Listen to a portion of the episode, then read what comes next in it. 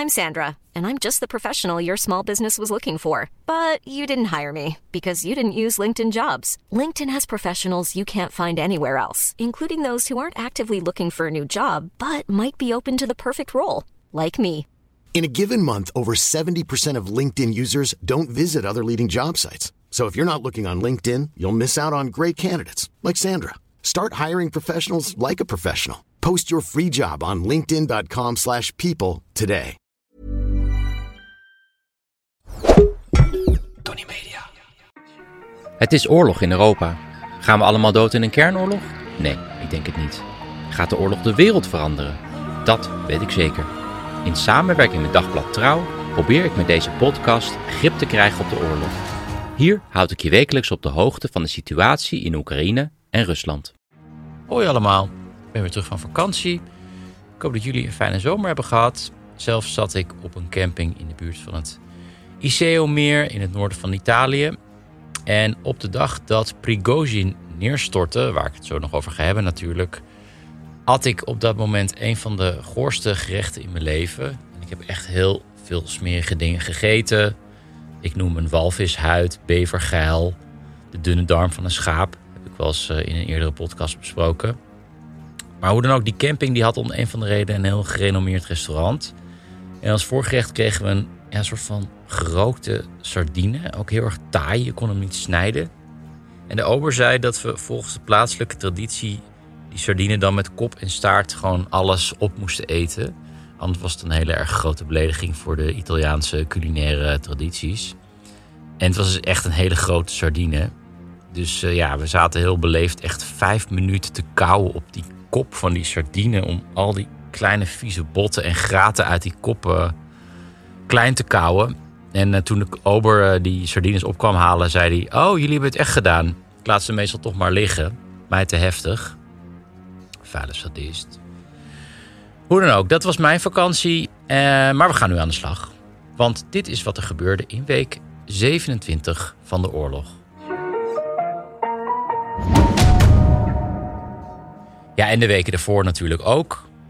Uh, we gingen de zomerstop in met een Oekraïns tegenoffensief dat in volle gang was bij Bakhmut in het oosten en bij Robotine in het zuiden. En het zwaartepunt van de strijd in de afgelopen weken ligt rond dat Robotine. Ja, is echt een gehucht met 400 inwoners, stelt dus niet veel voor. Maar is strategisch gelegen in een van de eerste verdedigingslinies van de Russen. Ik heb het al eerder gezegd, die linies zijn heel goed verdedigd met eindeloos veel loopgraven en mijnenvelden. En daar zijn die Oekraïners vooral in de laatste dagen eindelijk doorheen gebroken. Na weken van strijd en nou ja, god weet hoeveel doden. En die zetten dus nu hun tanden in de volgende verdedigingslinie. En ja, de hoop is natuurlijk dat die minder goed verdedigd is. Dat zal blijken in de komende weken. De Russen hebben in ieder geval in paniek gisteren of eergisteren een van hun beste brigades uit het noorden naar het zuiden verplaatst. En dat laat wel zien dat de situatie serieus is voor de Russen, want die kunnen dan nu niet meer in de aanval in het noorden. En als je even uitzoomt, dan stelt dat offensief van Oekraïne nog steeds niet zoveel voor. De Zwarte Zee, het einddoel van de Oekraïners, ligt nog heel erg ver weg. En ja, als ik dan kranten lees, vooral veel westerse media, dan zeggen ze dat dat offensief in Oekraïne niet zoveel voorstelt. Maar bij oorlog gaat het niet alleen om verovering van gebied. En dat is iets waar media zich blind op staren. Maar het gaat bij de Oekraïners vooral om dat ze de weg die langs de Zwarte Zee loopt en die de Krim verbindt met Rusland, dat die weg onder vuurbereik komt. Dat ze die met granaten kunnen bereiken. En dat lukt al als de Oekraïners een dorp 10 kilometer verderop veroveren, dus ten opzichte van het Robotine. En als het de Oekraïners lukt om daar te komen voor de winter, kunnen ze dus de hele winter die weg ja, verderop, dat is dus ja, 70 of 80 kilometer verderop, beschieten. Waardoor die weg niet meer bruikbaar is voor de Russen. En de Krim alleen nog bevoorraad kan worden via de Krimbrug, die dus ook heel kwetsbaar is. Die brug is al een paar keer geraakt.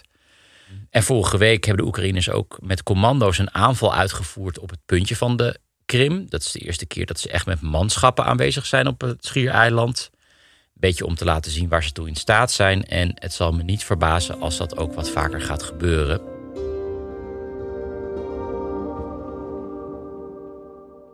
En die Oekraïners beschieten ook steeds meer doelen.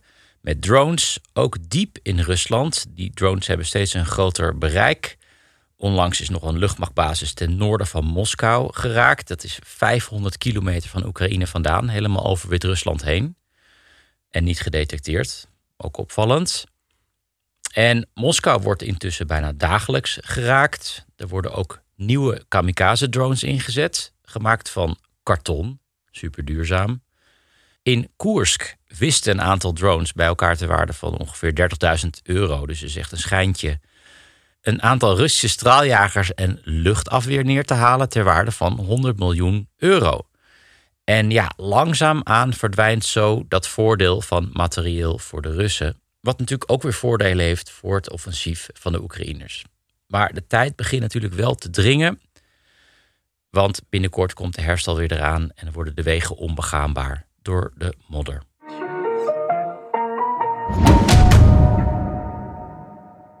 Onze luchtige sponsor van deze week is wederom Bamigo. Jullie vast niet onbekend. In de intro vertelde ik dat ik met vakantie was naar een warm land. En daar kwamen ze weer heel goed van pas, die boxershorts van Bamigo.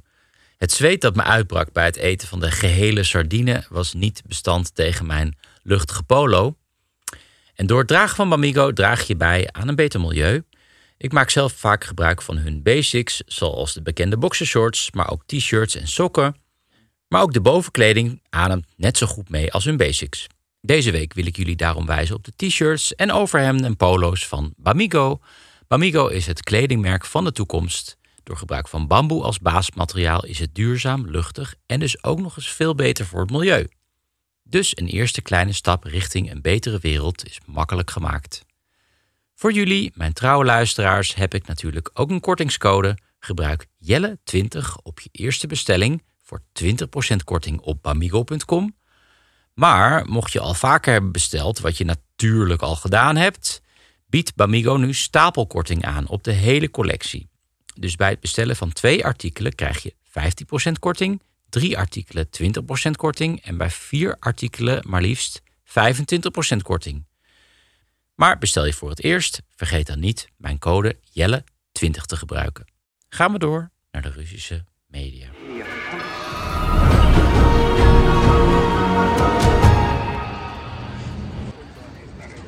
Христос воскресе! Христос воскресе! Ja, dit is een zelfs voor Russen vrij absurd moment van afgelopen zomer. Je hoort hier een nieuw standbeeld dat wordt onthuld in de regio Pskov. En het standbeeld is uh, van Stalin. Uh, je hebt steeds meer standbeelden van Stalin die in uh, Rusland worden neergezet. In dit geval op de grens met Letland. En dat beeld dat wordt ingewijd door de priester. Dat is wat je net hoorde. En dat is best bijzonder dat een priester dat doet. Want Stalin heeft meedogenloos kerken opgeblazen... en geestelijk geëxecuteerd en verbannen naar de gulag. Er zijn ergens tussen de 30.000 en 100.000 geestelijke geëxecuteerd onder Stalin. Ook in Oekraïne trouwens. Dat las ik in die mooie geschiedenis van Oekraïne van Serhii Plochy. Ik had er voor de vakantie al over. Daar waren het vooral katholieken die die uh, liet executeren. Hoe dan ook, bij het zegenen zei de priester... ja, Stalin streed tegen de kerk... maar daardoor hebben we nu wel veel martelaren. Nou, dat vind ik dus echt Russische logica op zijn best. En ja, misschien dat door dit soort onzin... steeds meer mensen afhaken bij de Russische televisie... of het kijken naar de Russische tv... Want naar die Russische media wordt steeds minder gekeken, tenminste als het over de oorlog gaat. Maar 20% van de Russen zegt nu nog de oorlog te volgen. En dat is echt een dieptepunt in deze hele oorlog. En dat is natuurlijk een probleem voor de Russische overheid, die nu op andere manieren probeert om de bevolking bij de oorlog te houden en zo draagvlak te houden voor die, uh, ja, die gehaktmolen waar ze al die arme jongens in gooien. Bijvoorbeeld door het uitbrengen van een big budget film. Die heet De Getuigen, de eerste grote oorlogsfilm van de Russen. Natuurlijk zit die film vol met uh, ja, Oekraïners die nazi's worden genoemd. Het probleem is alleen dat echt geen hond naar die film ging. Op de openingsdag gingen 4339 mensen naar die film. En dat is gemiddeld vijf mensen per zaal. En ja, dat was dus de eerste dag. Dus het belooft niet veel goeds. wel weer goed bekeken is een video van de FBK. Dat is de anticorruptieorganisatie van Alexei Navalny. Navalny zit natuurlijk nog steeds in de gevangenis, maar het onderzoek van die club gaat gewoon door. En zij ontdekte dat Poetin nog een jacht heeft. Dus los van de Scheherazade, daar besteed ik op dag 27 al aandacht aan. Dat was dat ene jacht met een zwembad waar een eh, dansvloer overheen kan rollen. Voor als Poetin s'avonds zijn kleine voetjes van de vloer wil doen. Dat jacht is uh, vorig jaar, ik weet niet meer wanneer, nou ja, in ieder geval lang geleden al in beslag genomen in Italië. Maar gelukkig voor Poetin heeft hij nog een jacht ter waarde van 100 miljoen euro. Als je nou alle specs wil weten van dit uh, jacht, ik zet een link in de show notes naar de YouTube-video van FBK. Dan kan je kijken met Engelse ondertiteling. Ook op dit jacht weer een zwembad met een dansvloer erop. Dat is kennelijk echt essentieel voor Poetin. Maar bij dit jacht hangt er ook nog een soort van drijvend zwembad achter van 25 bij 25 meter. En ze kwamen erachter dat het gemaakt is door een bedrijf dat normaal nucleaire onderzeeërs maakt in Rusland. Ja, echt een kwestie van prioriteiten in oorlogstijd. Zodat Poetin ook in zee kan zwemmen, maar dan wel weer met een enorm net eronder, zodat er geen vissen in zijn buurt kunnen komen. Nou ja, het is in ieder geval het hele jacht is het zoveelste bewijs dat Rusland geen normaal land is, maar gewoon een ouderwetse maffiabende. Ten slotte nog een bericht van de grens tussen Noorwegen en Rusland. In de Pasvikvallei. Daar grazen rendieren in het grensgebied. En die trekken zich natuurlijk niet zoveel aan van de grenzen.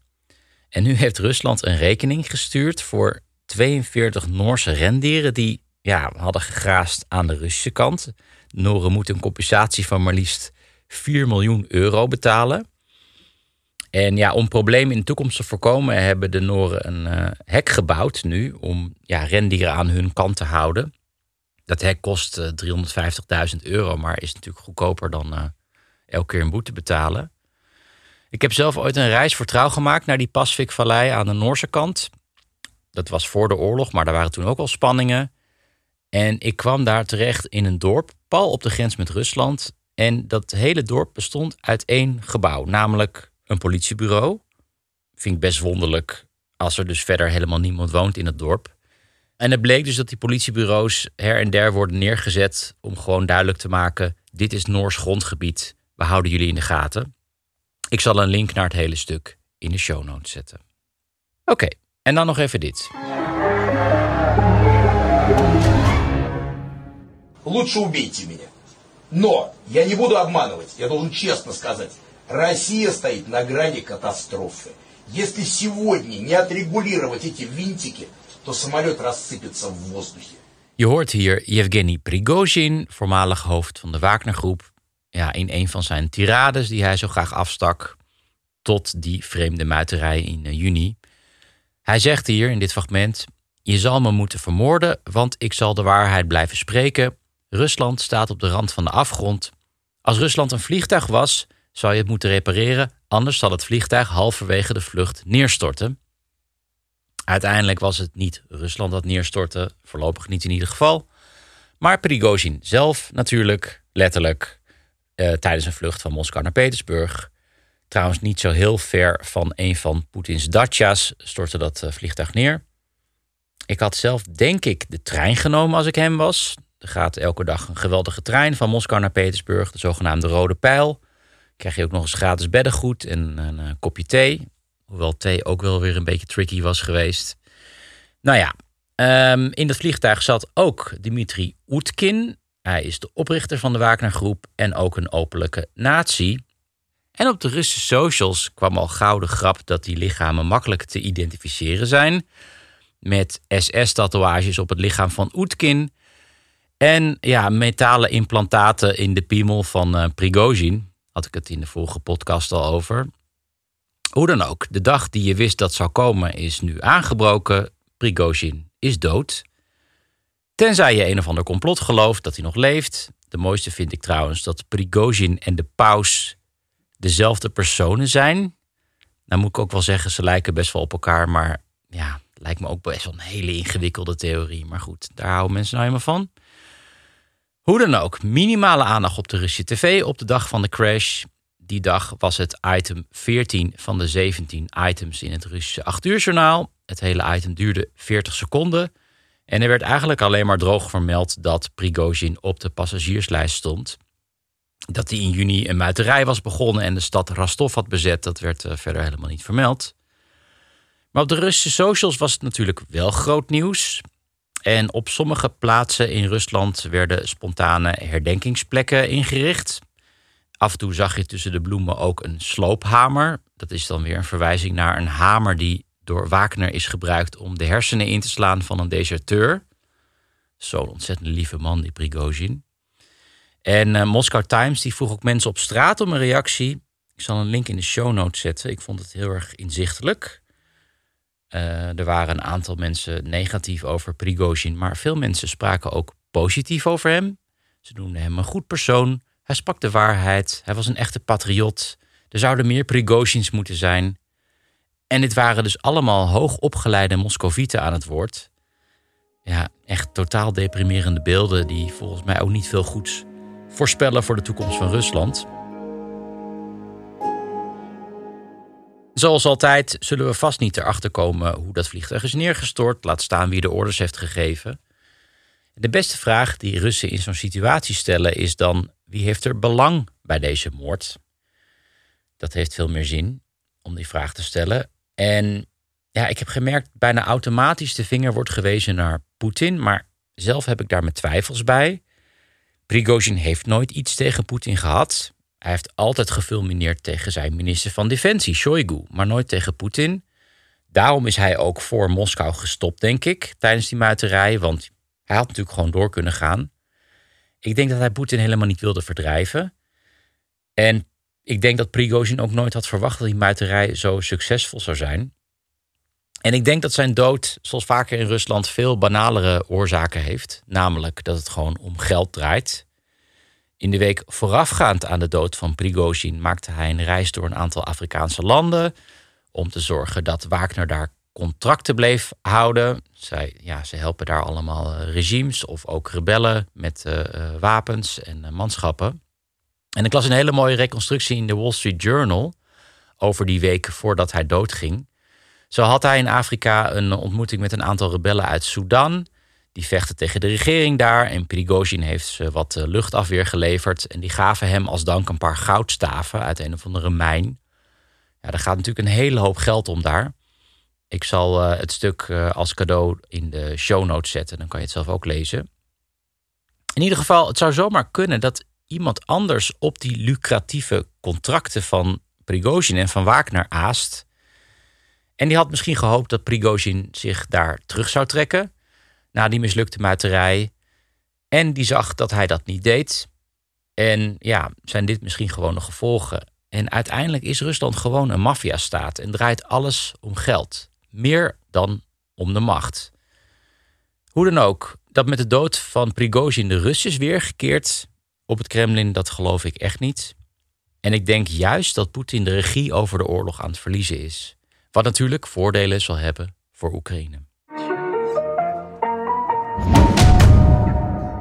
Deze week even geen interview. Volgende week is dat weer wel zo.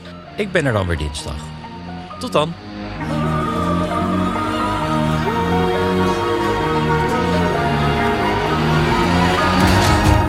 Dit was een productie van Tony Media en Dagblad Trouw. Voor meer verdieping ga naar trouw.nl. Planning for your next trip? Elevate your travel style with Quince. Quince has all the jet-setting essentials you'll want for your next getaway, like European linen, premium luggage options, buttery soft Italian leather bags, and so much more. And is all priced at 50 to 80% less than similar brands. Plus, Quince only works with factories that use safe and ethical manufacturing practices.